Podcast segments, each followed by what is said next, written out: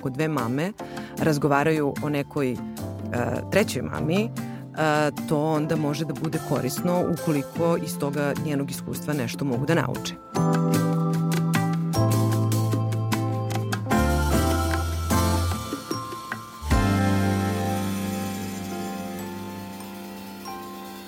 Jednoj od prethodnih epizoda smo se samo dotakli tračeva i ogovaranja, zbog čega smo odlučili da to bude posebna tema koja zaslužuje da posvetimo ovaj podcast.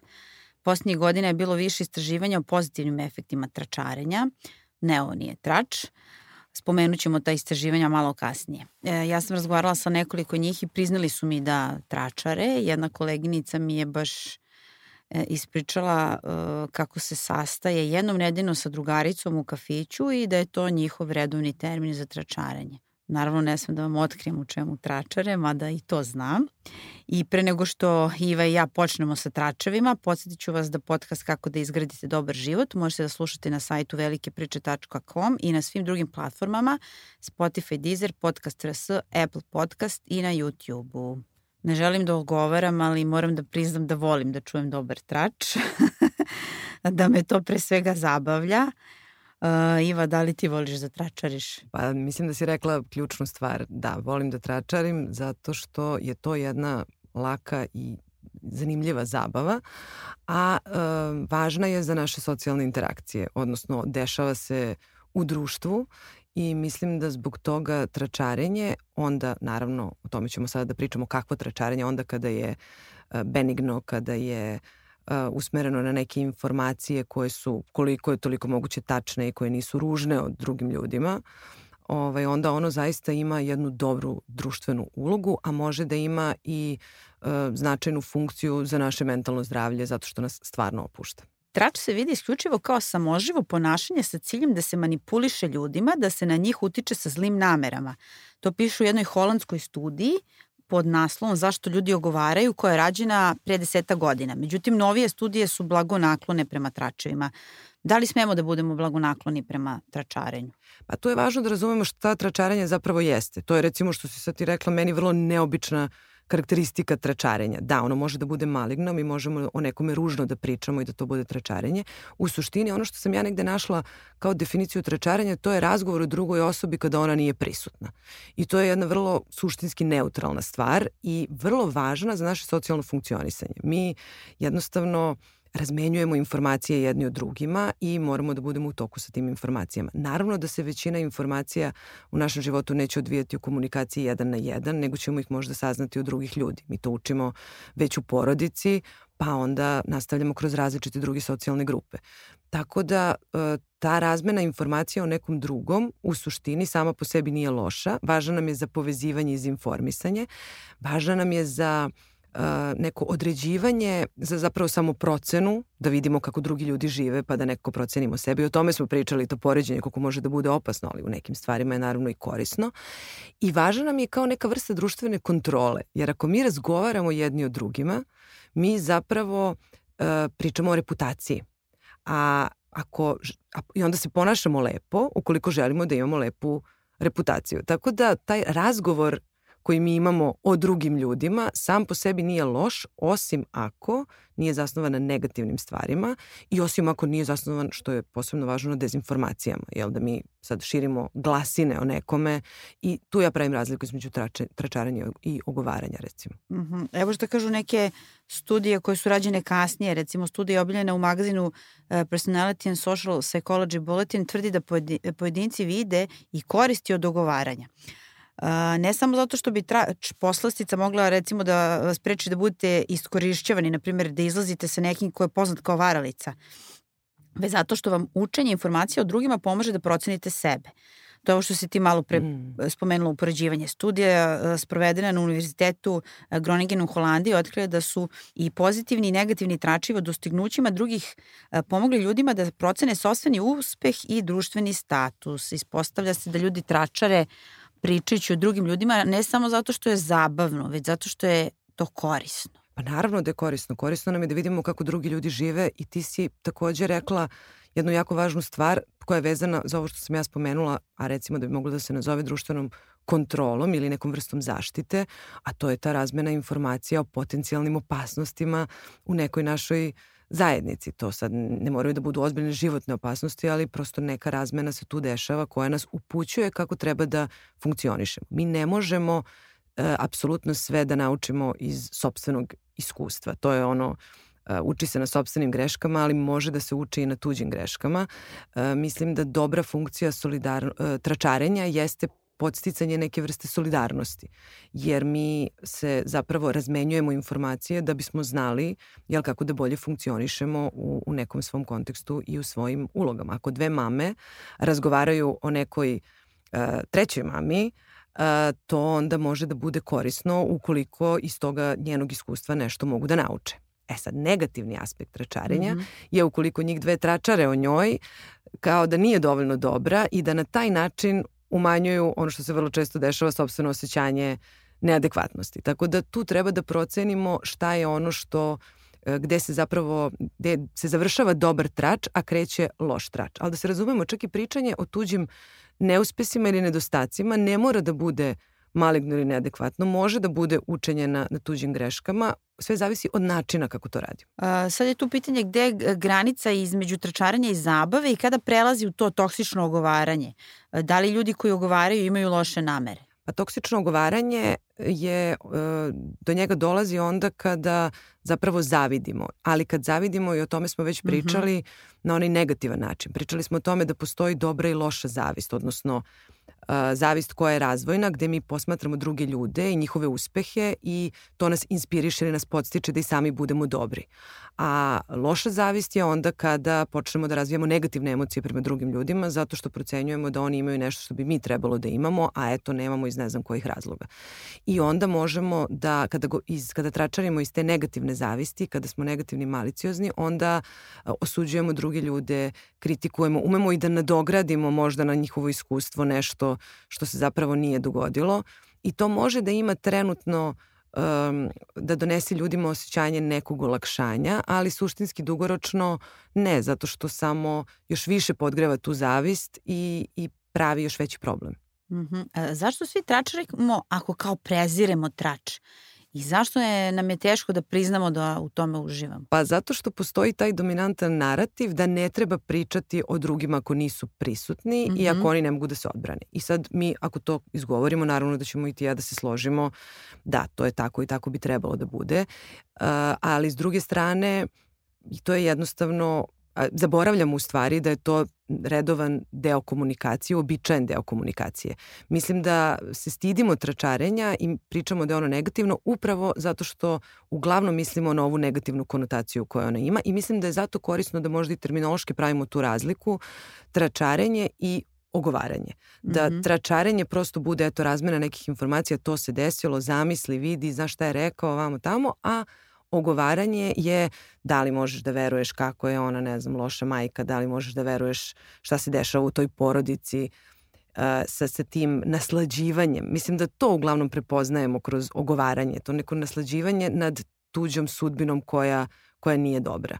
I to je ono što, što nije ni konstruktivno, ni dobro, ni, ni ti pomaže u bilo kom smislu. Da, sad, uh, sad je tu pitanje u čemu je ta najveća razlika između tračaranja i ogovaranja i zašto je u stvari ogovaranje loše, do kakvih posledica e, dovodi? Pa loše je zato što e, mi sad imamo Pazi, tračarenje je važno zato što imamo, tabloidi su nastali zbog toga što mi volimo da tračarimo, tako da, da ne volimo, to sve ne bi postojalo. Mi želimo da imamo uvid u živote drugih, ali ono sa što je sa tračaranjem problem je što mi zadiremo u intimu drugih ljudi mm -hmm.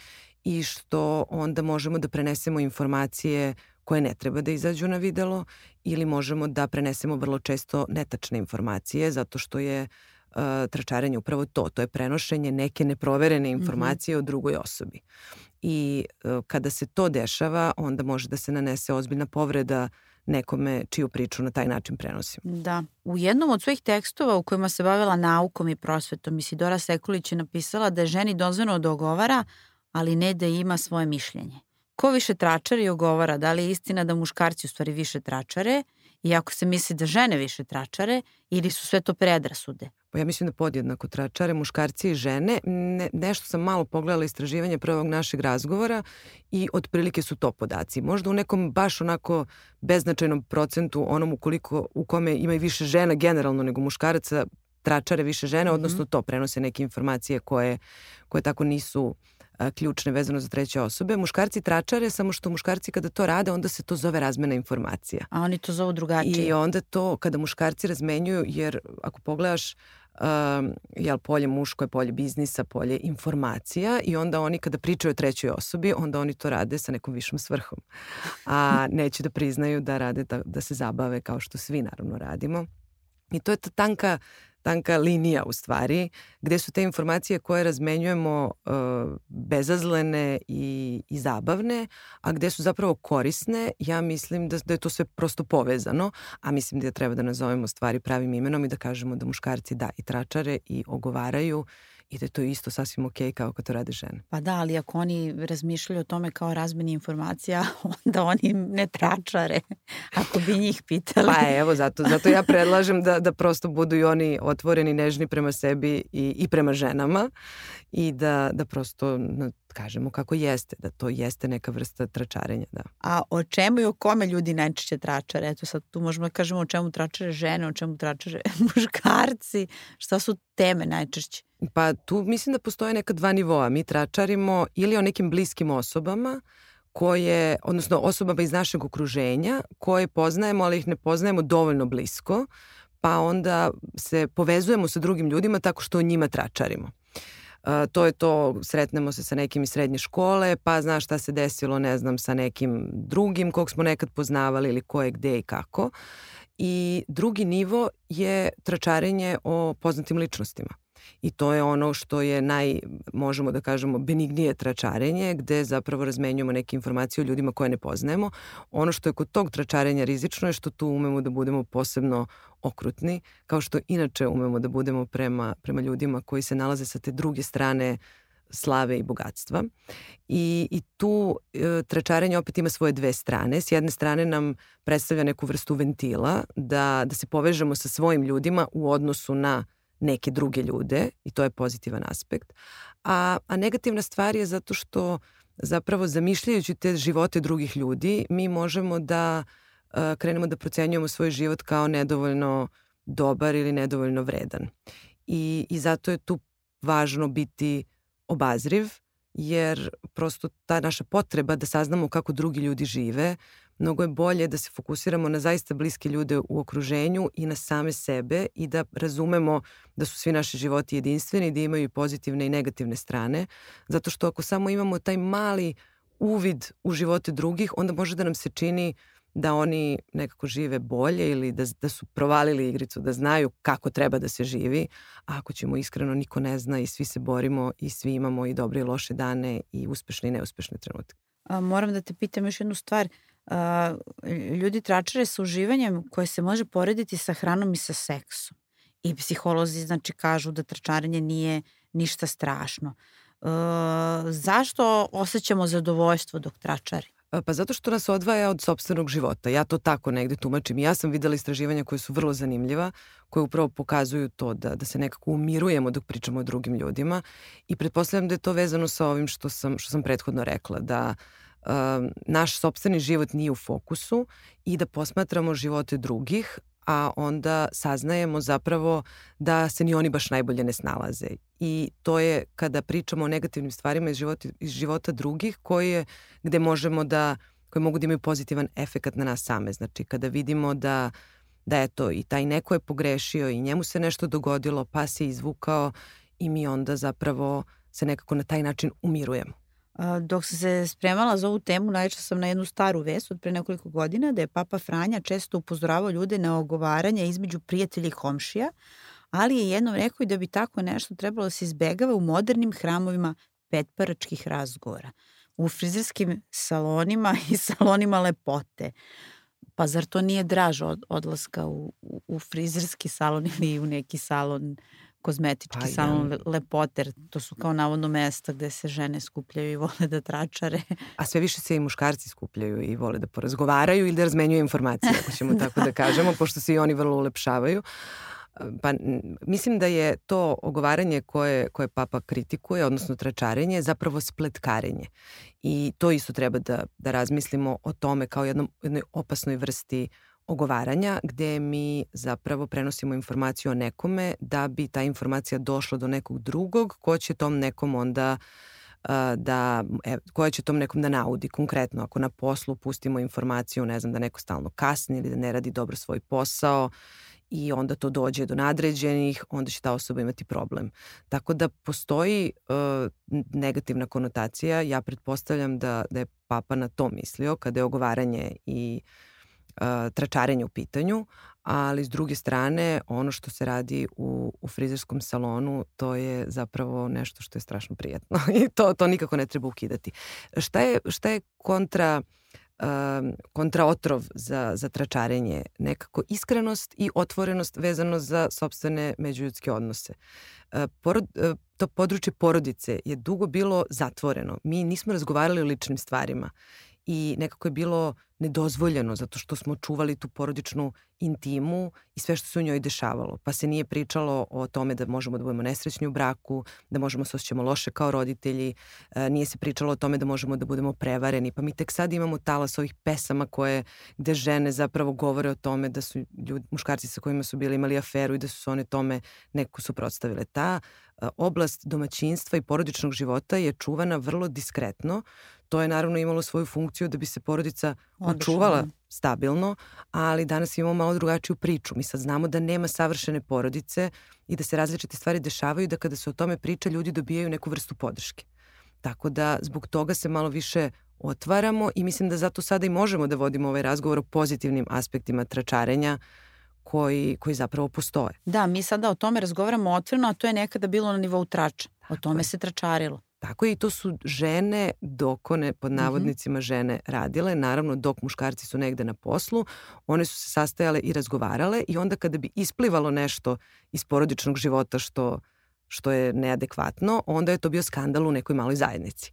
Mi sada jednostavno više ne živimo u takvom kontekstu i zato možemo da kažemo da svi vole da tračare, zato smo i osmislili način da se tračarenje izvuče iz privatnog života, pa smo ga stavili u, u tabloide, pa imamo poznate ličnosti, pa možemo da pričamo i o tim stvarima, jer postoji pozitivna funkcija, kao što smo već rekli, tog socijalnog povezivanja, gde mi zapravo razgovaramo i povezujemo, povezujemo se razgovarajući o drugim ljudima, ali mislim da ne postoji više ta opasnost uh, da, da će trač da nanese veliki problem ukoliko se privatni, privatne stvari malo iznesu u neki malo širi uh, okvir zajednice. Da li hoćeš da kažeš da on, da je trač normalizovao neke stvari? Pa, evo sada smo možda došli do toga, da, možda je, to jeste, pa svaka razmena je, je socijalna podrška i trač jeste očigledno neki prvi način kako su uh, kako su se neki ljudi povezivali i kako su razmenjivali i olakšavali sebi jel, muke. Tako da sada kada mnogo više pričamo o ličnim stvarima, tračevi su manje ubojiti ako više, što više sloboda imamo, što više smo otvoreni za različitosti, tračevi mogu da nam, da nam nanesu manje štete u nekom socijalnom kontekstu, to je ta reputacija o kojoj sam pričala. Ako je u jednom društvu ok da se bude gej, onda ja to ne moram da krijem, onda to ne mora na nivou trača da se prenosi ovaj, u mojoj zajednici. Ako je, ne znam, ok da se razvedem, isto to mogu da uradim na način koji neće podrazumevati da će onda, kako se to kaže, To je moja nana govorila, nemoj da s tobom ispiraju usta. Ta, tako se tra, na tračeve gleda. Kao ponašaj se idealno da o, to, o tebi ne bi, ne bi pričali. Ali ako smo okej okay sa svojim izborima i ako su dozvoljeni različiti izbori, onda trač zaista postaje samo onako, eto, da se zapitamo gde je neko, kako je neko, da li je manje ili više uspešan i kako mu ide u životu. Da li su neke profesije sklonije trčaranju kao, na primjer, e, mi novinari koji barataju stalno nekim informacijama pa i nekim poluinformacijama I da li se može e, reći da je nama profesionalna deformacija da se mi malo više bavimo tračerevima nego neki drugi ljudi. Pa sad ja nemam podatke iz istraživanja, ali možda ti možeš da mi kažeš. Pred, pretpostavljam da jeste. Mislim da ljudi koji dolaze u kontakt sa, posebno ljudi kojima je posao da se bavi informacijama, ali vama je posao plasiranje informacija. Moj posao je recimo, ja stalno dolazim u kontakt sa, sa informacijama o ljudima, ali moj posao podrazumeva da ja moram strogo da ih čuvam. Tako da kod mene je, u našem poslu je posebno u psihoterapiji tračarenje striktno zabranjeno i etički kodeks to, to propisuje.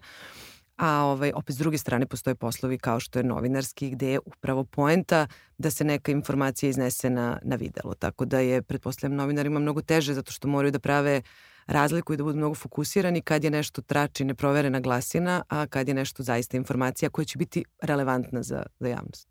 Pa dobro, to treba da se istraži, da mm. se utvrdi da li je nešto istinito, ali to je sad neka druga priča o, o medijima i o novinarima. Uh, sad kad smo negde normalizovali trači, saglasi smo da, da svi tračarimo ponekad.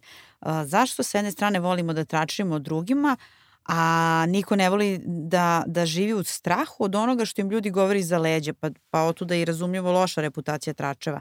Zašto ne volimo da se tračari o nama? Da, pa zato što je to u suštini kad malo razmislimo neprijatno. Neki ljudi govore nama nešto iza leđa i mi ne znamo koja je to vrsta informacija. U osnovi tog straha leži um, strah naravno od javne osude i od procene naše zajednice u kojoj se krećemo, odnosno nekog konteksta. Tako da je zapravo prirodno da, zato strač u stvari služi kao neka vrsta socijalne kontrole. Mi svi se ponašamo manje više onako kako bismo voleli da o nama pričaju u, u našem odsustvu jer ne želimo da ljudi pričaju o našim negativnim karakteristikama, jer onda to povratno utiče i na našu sobstvenu sliku o sebi. Priča o identitetu je vrlo složena priča. E, mi iz sistemske perspektive na identitet gledamo kao na skup naših karakteristika koje dolaze iz naših veza, odnosa i konteksta u kome živimo. Šta to znači? Znači, moj identitet čine različite moje društvene uloge. Moja uloga, ne znam, majke, sestre, prijateljice, moja profesionalna uloga, moja uloga, pa onda različite profesionalne uloge, pa moja uloga komšinice. Sve te uloge definišemo mi sami, ali definišu i ljudi koji su s nama u odnosu. I zato nam je važno mišljenje tih ljudi i, i trač predstavlja jednu vrstu regulacije za te odnose. Mi se ponašamo ponekad i tu moramo da budemo ishreni, ne samo zato što zaista želimo da uradimo pravu stvar, nego zato što ne želimo da drugi ljudi pričaju da mi nismo uradili pravu stvar. Dobro, hvala ti Ivo i evo samo na kraju da kažem ljudima da slobodno mogu da tračare. Obavezno, pomalo.